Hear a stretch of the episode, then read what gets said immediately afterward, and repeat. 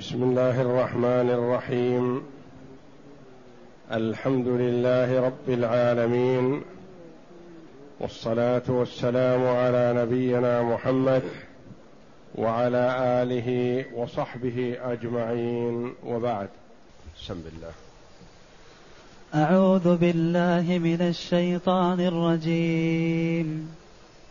يا أيها الذين آمنوا إن تنصروا الله ينصركم ويثبت أقدامكم والذين كفروا فتعسا لهم وأضل أعمالهم ذلك بأنهم كرهوا ما أنزل الله فأحبط أعمالهم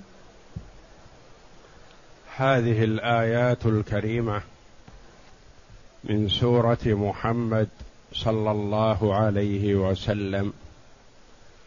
يقول الله تعالى يا أيها الذين آمنوا إن تنصروا الله ينصركم ويثبت أقدامكم. الآيات. وقد تقدم قوله جل وعلا ولو يشاء الله لانتصر منهم. ولكن ليبلو بعضكم ببعض. فالله جل وعلا وعد في هذه الآية التي معنا أن من نصر الله نصره الله. وكيف أن المرء ينصر الله والله جل وعلا غني عن الخلق. فهو الذي ينصرهم إذا شاء ويؤيدهم إذا شاء أو يخذلهم إذا شاء ويجعلهم مغلوبين إذا شاء. إن تنصروا الله ينصركم. نعم. إن تنصروا الله تنصروا دين الله تنصروا رسول الله صلى الله عليه وسلم تنصروا كتاب الله تدعو إلى الله تحاربوا عن دين الله. هذه نصرة الله جل وعلا. إذا نصر العبد ربه قاتل ليعبد الله وحده قاتل لتكون كلمة الله هي العليا. سعى في هذا جد واجتهد الله جل وعلا وعده إذا فعل ذلك من نفسه أن ينصره. ويؤيده ويثبته. يا أيها الذين آمنوا خطاب للمؤمنين بهذه الصفة الكريمة وهي صفة الإيمان. إن تنصروا الله إن هذه شرطية وفعل الشرط تنصر وجواب الشرط ينصركم. متى ما حصل منكم نصرة لدين الله نصركم الله جل وعلا. ينصركم على الكفار ويثبت أقدامكم. يثبت أقدامكم في المعركة. وتثبيت الأقدام كناية عن تثبيت المرء نفسه كاملة لكن لأن الغالب أن الثبوت يكون على القدم والتزلزل والحركة والضعف والميلان يكون في القدم. فلذا قال ويثبت أقدامكم والمراد تثبيتهم عموما في ساحة القتال بأن يجعل المرء ثابتا يجعل له النصر والغلبة. والنصر إذا شاءه الله جل وعلا لعبده هيأه بأقل الأسباب. وإذا لم يشأ ذلك فلن يحصل النصر ولو كان مع المرء ما كان معه من قوة وعدد وعدة. في أول وقعة حنين وقبل الدخول في المعركة قال بعض من مع النبي صلى الله عليه وسلم لن نغلب اليوم من قلة. يعني نحن كثرة اثنى عشر ألف مقاتل. لقبيلة حنين. فسرعان من هزموا ولم يثبت إلا النبي صلى الله عليه وسلم وقلة معه من المسلمين. ما نفعتهم كثرتهم؟ اثنى عشر ألف. وفي موقعة بدر كانوا ثلاثمائة وبضعة عشر والكفار ألف أو يزيدون. والكفار معهم العدة والعتاد والغذاء والطعام والشراب والسلاح. والصحابة رضي الله عنهم مع النبي صلى الله عليه وسلم الثلاثة والأربعة يعتقبون البعير الواحد. وفي حاجة وجوع وفقر وقلة سلاح ومع ذلك كانت الهزيمة على الكفار ساحقة والنصر المؤيد للمسلمين بأمر الله جل وعلا. فالنصر الحقيقي ليس بالعدد والعدة وإنما هو من الله جل وعلا إذا أراده. يا أيها الذين آمنوا إن تنصروا الله ينصركم ويثبت أقدامكم في المعركة.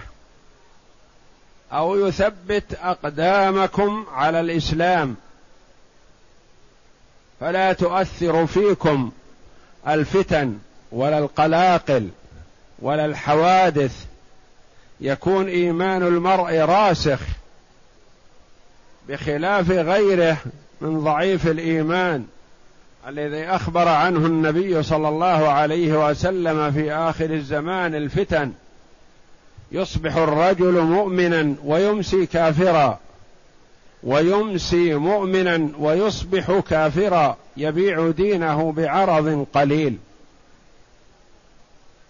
فالمرء إذا ثبت الله قلبه على الإسلام والإيمان سعد السعادة الحقيقية. وهي أكثر ما يكون من دعاء النبي صلى الله عليه وسلم. اللهم يا مقلب القلوب ثبت قلبي على دينك. فتعجبت عائشة من كثرة دعائه بهذا الدعاء. قالت أو تخشى؟ يعني وأنت رسول الله صلى الله عليك وسلم تخشى أن من الزيغ من الانقلاب قال أو ما علمت يا عائشة أن قلوب العباد بين أصبعين من أصابع الرحمن؟ إذا أراد أن يقلب قلب عبد قلبه. يثبت أقدامكم يثبتكم على الإسلام والإيمان فلا تؤثر فيكم الحوادث والفتن والقلاقل والمشاكل في آخر الزمان وأنها تكثر. تكثر الفتن في آخر الزمان تكون فتنا كقطع الليل المظلم. كلما ذهبت فتنة جاءت بعدها أكبر منها. ويثبت أقدامكم. أو يثبت أقدامكم على الصراط. يوم تزل أقدام الظالمين. لأن من ثبت في نصرة دين الله وقتال أعداء الله ومناصرة أولياء الله أعطاه الله بهذا فالجزاء من جنس العمل. كما أنه ثبت لنصرة دين الله فالله يثبته في المواطن التي تزل فيه كثير من الأقدام. الثبوت على الصراط المستقيم. الثبوت على الصراط يوم القيامة وهو الجسر. وهو الجسر المنصوب بي على متن جهنم. يمر الناس عليه على قدر أعمالهم. فمنهم من يمر كلمح البصر ومنهم من يمر كالبرق ومنهم من يمر كأجاوذ الخيل ومنهم من يمشي مشيا ومنهم من يزحف زحفا ومنهم المكردس في نار جهنم والعياذ بالله. فالذي يثبت على طاعة الله وينافح ويجاهد ويقاتل ويحاج عن دين الله جل وعلا لإظهاره وبيانه للناس ودعوة الناس إليه يثبته الله جل وعلا على الصراط يوم القيامة. والناس يمرون عليه كلهم كل يمر عليه وهو المعبر عنه بقوله جل وعلا وإن منكم إلا واردها يعني جهنم. كان على ربك حتما مقضيا. وهو المرور على الصراط. لكن الناس يتفاوتون في هذا المرور تفاوتا عظيما. يا أيها الذين آمنوا إن تنصروا الله ينصركم ويثبت أقدامكم. ينصركم في الدنيا ويؤيدكم ويثبت أقدامكم في الدنيا في المعركة أو على الصراط المستقيم على دين الإسلام أو على الصراط المنصوب على متن جهنم الذي يمر الناس عليه على قدر أعمالهم. وكلها أقوال منسوبة لبعض العلماء وهي ما لا منافاة بينهما لأن من ثبته الله جل وعلا في المعركة ثبته الله جل وعلا في الدنيا على الصراط المستقيم ومن ثبته الله في الدنيا على الصراط المستقيم فهو يمر على الصراط المنصوب على متن جهنم بحسب حاله وعمله وجده واجتهاده منهم من يمر كلمح البصر ومنهم من يمر كالبرق ومنهم من يمر كالريح ومنهم من يمر كأجاوذ الخيل. إلى آخر الحديث. فهذا حث من الله جل وعلا لعباد الله في مناصرة دين الله. وقد بين جل وعلا قبل هذا أنه غني عن العباد ليس في حاجة إلى مناصرتهم وإنما العباد هم الذين في حاجة إلى أن ينصرهم الله ويؤيدهم. والله غني عن الخلق مطلقا. لا تنفعه طاعة المطيع ولا تضره معصية العاصي. ولو شاء الله لانتقم منهم ولكن ليبلو بعضكم ببعض. وقال جل وعلا في آية أخرى ولينصرن الله من ينصره. وعد كريم. لأن العبد إذا جند نفسه لنصرة سنة رسول الله صلى الله عليه وسلم وكتاب الله ودين الله نصره الله جل وعلا وثبته وأيده. كما هو حال أئمتنا من سلفنا الصالح رحمة الله عليهم. جندوا أنفسهم لنصرة دين الله وإعلاء كلمته وإظهار السنة وقمع البدعة فنصرهم الله جل وعلا وأيدهم ولو ماتوا في السجن ولو عذبوا في الدنيا ما يذكرون إلا ويترحم عليهم ويترضى عنهم ويدعى لهم ويسلك الناس مسلكهم الأخيار ومن سن سنة حسنة فله أجرها وأجر من عمل بها لهم مثل أجور من تبعهم إلى يوم القيامة. فالله جل وعلا نصرهم بهذا ولو ماتوا في السجن. ما يضيرهم هذا؟ وهم يترحم عليهم ويدعى لهم وتتبع آثارهم ويؤخذ بأقوالهم ويستفاد من علومهم. رحمة الله عليهم. كأمثال شيخ الإسلام ابن تيمية رحمه الله مات في السجن. وأوذي وعذب ولكن صارت العاقبة له. وهكذا غيره من أئمة الهدى الذين دعوا إلى سنة رسول الله صلى الله عليه وسلم وأخذوا بكتاب الله وعضوا عليه بالنواجذ. فالإمام أحمد رحمه الله أوذي وعذب وضرب لأجل أن يقول إن القرآن مخلوق فأبى لأن هذا خلاف الحق وخلاف السنة.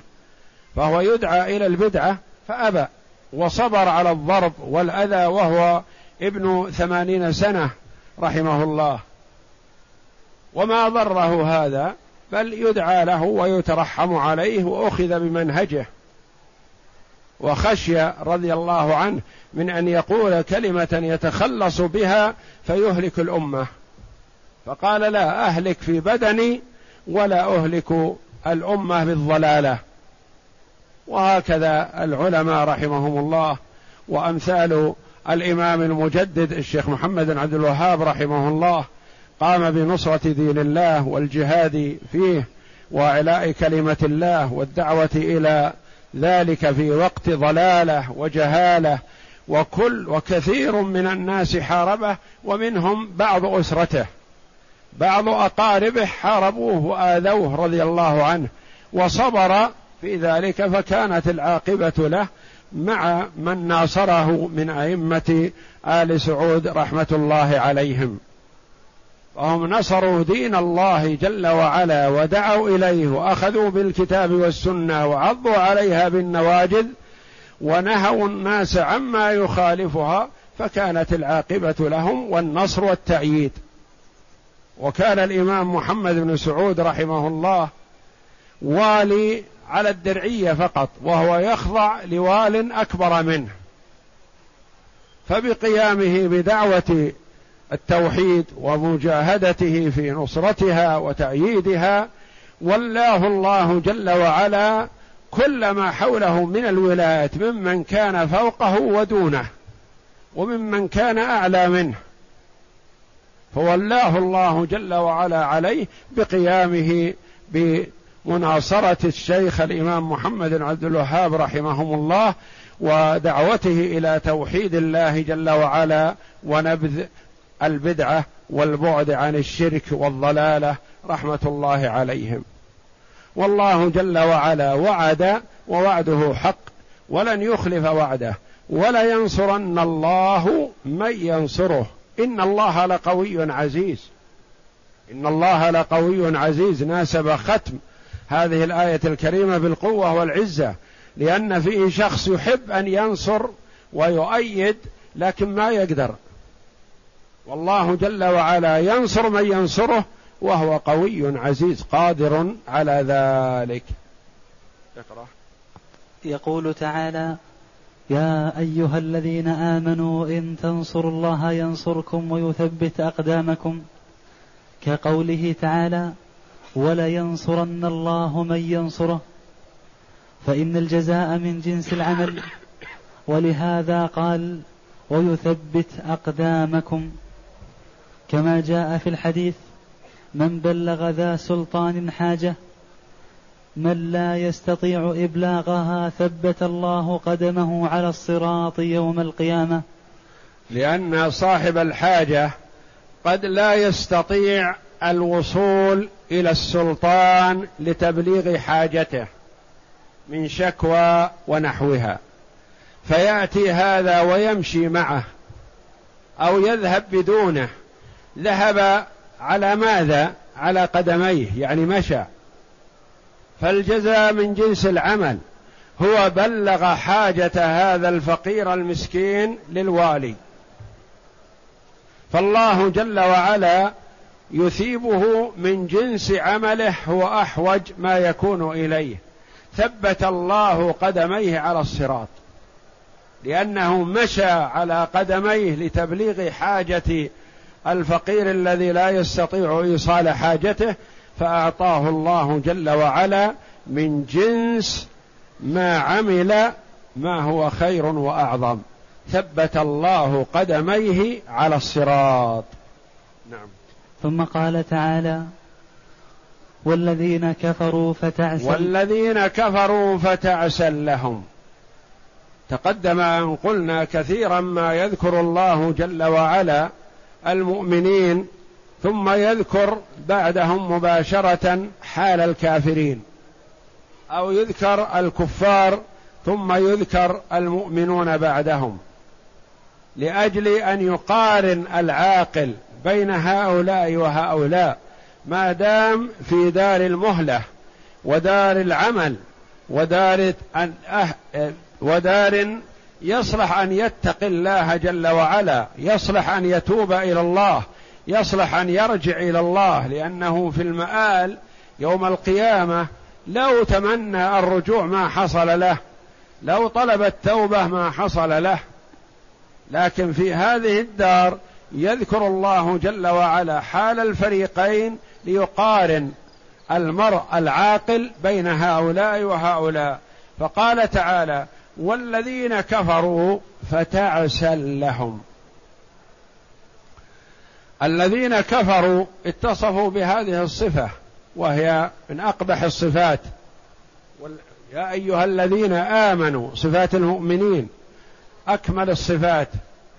والذين كفروا ماذا فتعسا لهم تعسا مصدر تعس يتعس تعسا الخبر أين هو الخبر محذوف دل عليه المصدر الذي جاء به بعده وهو أي المحذوف هو العامل في المصدر الموجود والذين كفروا فتعسوا تعسا لهم.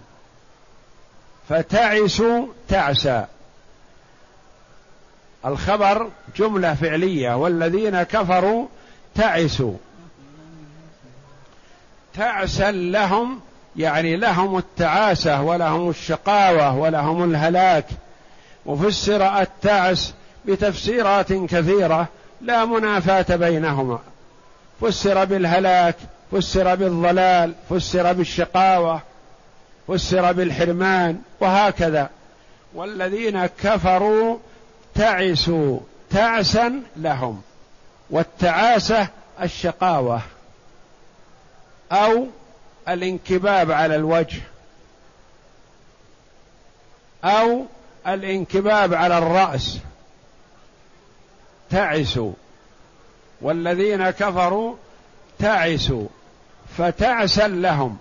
والنبي صلى الله عليه وسلم دعا على عابد الدينار والدرهم في قوله صلى الله عليه وسلم تعس عبد الدينار تعس عبد الدرهم تعس عبد الخميصة تعس عبد القطيفة تعس ولا انتكس تعس وانتكس وإذا شيك فلا انتقش تعس وانتكس وإذا شيك فلا انتقش دعا له بالتعاسه لماذا؟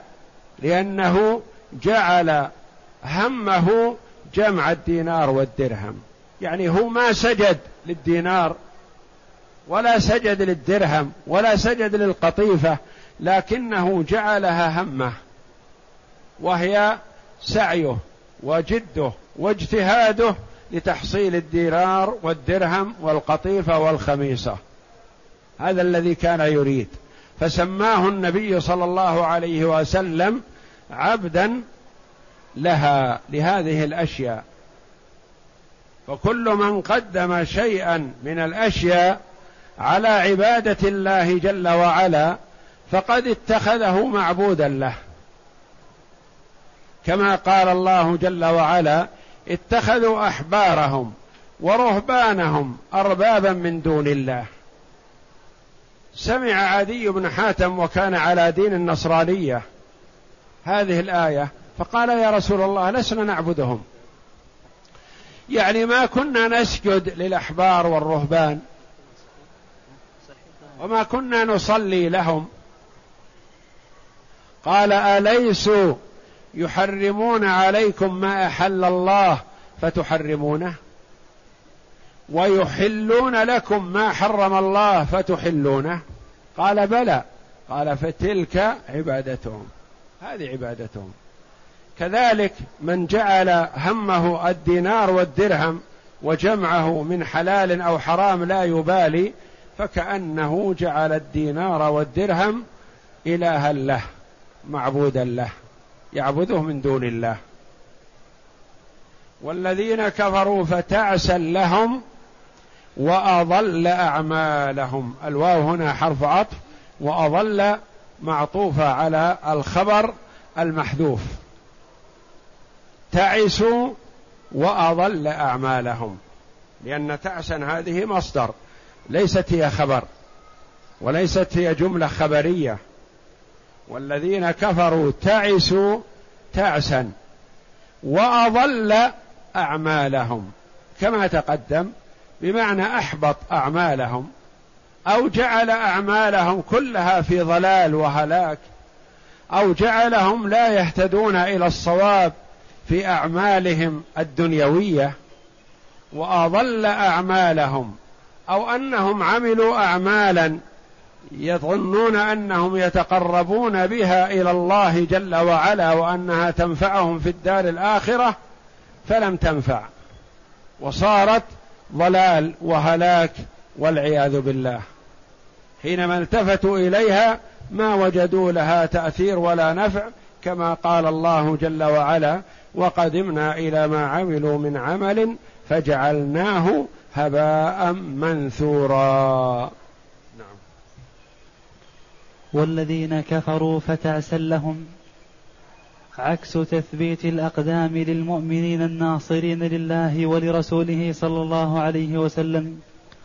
وقد ثبت في الحديث عن رسول الله صلى الله عليه وسلم أنه قال تعس عبد الدينار تعس عبد الدرهم تعس عبد القطيفة وفي رواية تعس عبد الخميصة تعس وانتكس وإذا شيك فلا انتقش أي فلا شفاه الله.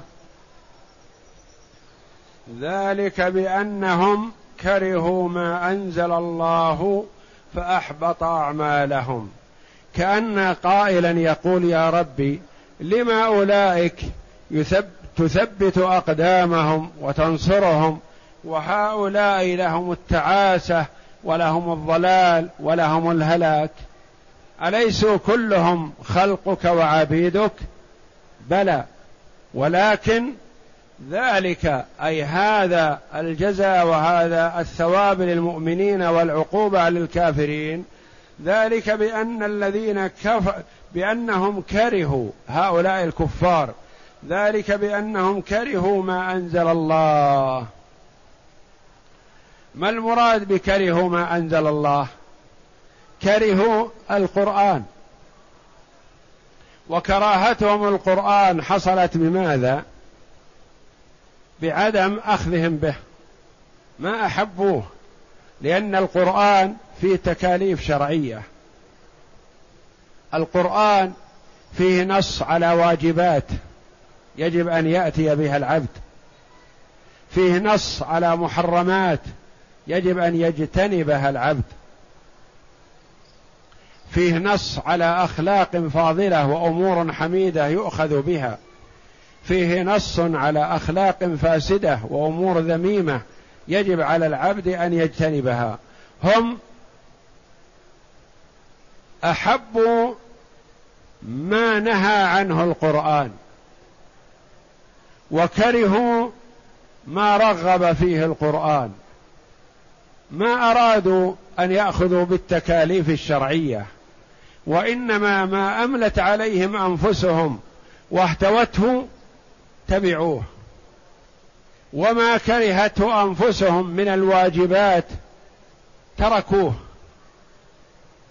ذلك بأنهم كرهوا ما أنزل الله من التكاليف فأحبط أعمالهم. ما أنزل الله الذي هو القرآن أو هل أو هو الذي الكتب المنزلة من عند الله لأن كلها دعوتها واحدة. والمرء إذا كره القرآن فقد كره الكتب كلها. إذا كره التوراة فقد كره الكتب كلها. لأن منهجها واحد في الدعوة إلى توحيد الله جل وعلا. وإن اختلفت في الشرائع الشرائع قد تختلف لكن الأصل واحد. الدعوة إلى توحيد الله تحريم عبادة غير الله كلها جاءت بهذا. ذلك بأنهم كرهوا ما أنزل الله من التكاليف الشرعية في كتبه أو كرهوا ما أنزل الله الذي هو القرآن أو هو الكتب السماوية كلها. فأحبط أعمالهم. جعل صارت أعمالهم حابطة. لا قيمة لها. صارت أعمالهم خسارة وهلاك لهم لأنهم ما أخذوا بما أمر اتبعوه ولا أخذوا بما نهى الله جل وعلا عنه فاجتنبوه. وإنما فعلوا ما نهوا عنه وتركوا ما أمروا به. نعم. ذلك بأنهم كرهوا ما أنزل الله أي لا يريدونه ولا يحبونه فأحبط أعمالهم. فالجزاء إذن من جنس العمل. كرهوا العمل الذي أمرهم الله جل وعلا به فأحبط الله عملهم الذي لم يأمر به ولا يريده جل وعلا. والله أعلم. وصلى الله وسلم وبارك على عبده ورسول نبينا محمد وعلى آله وصحبه أجمعين.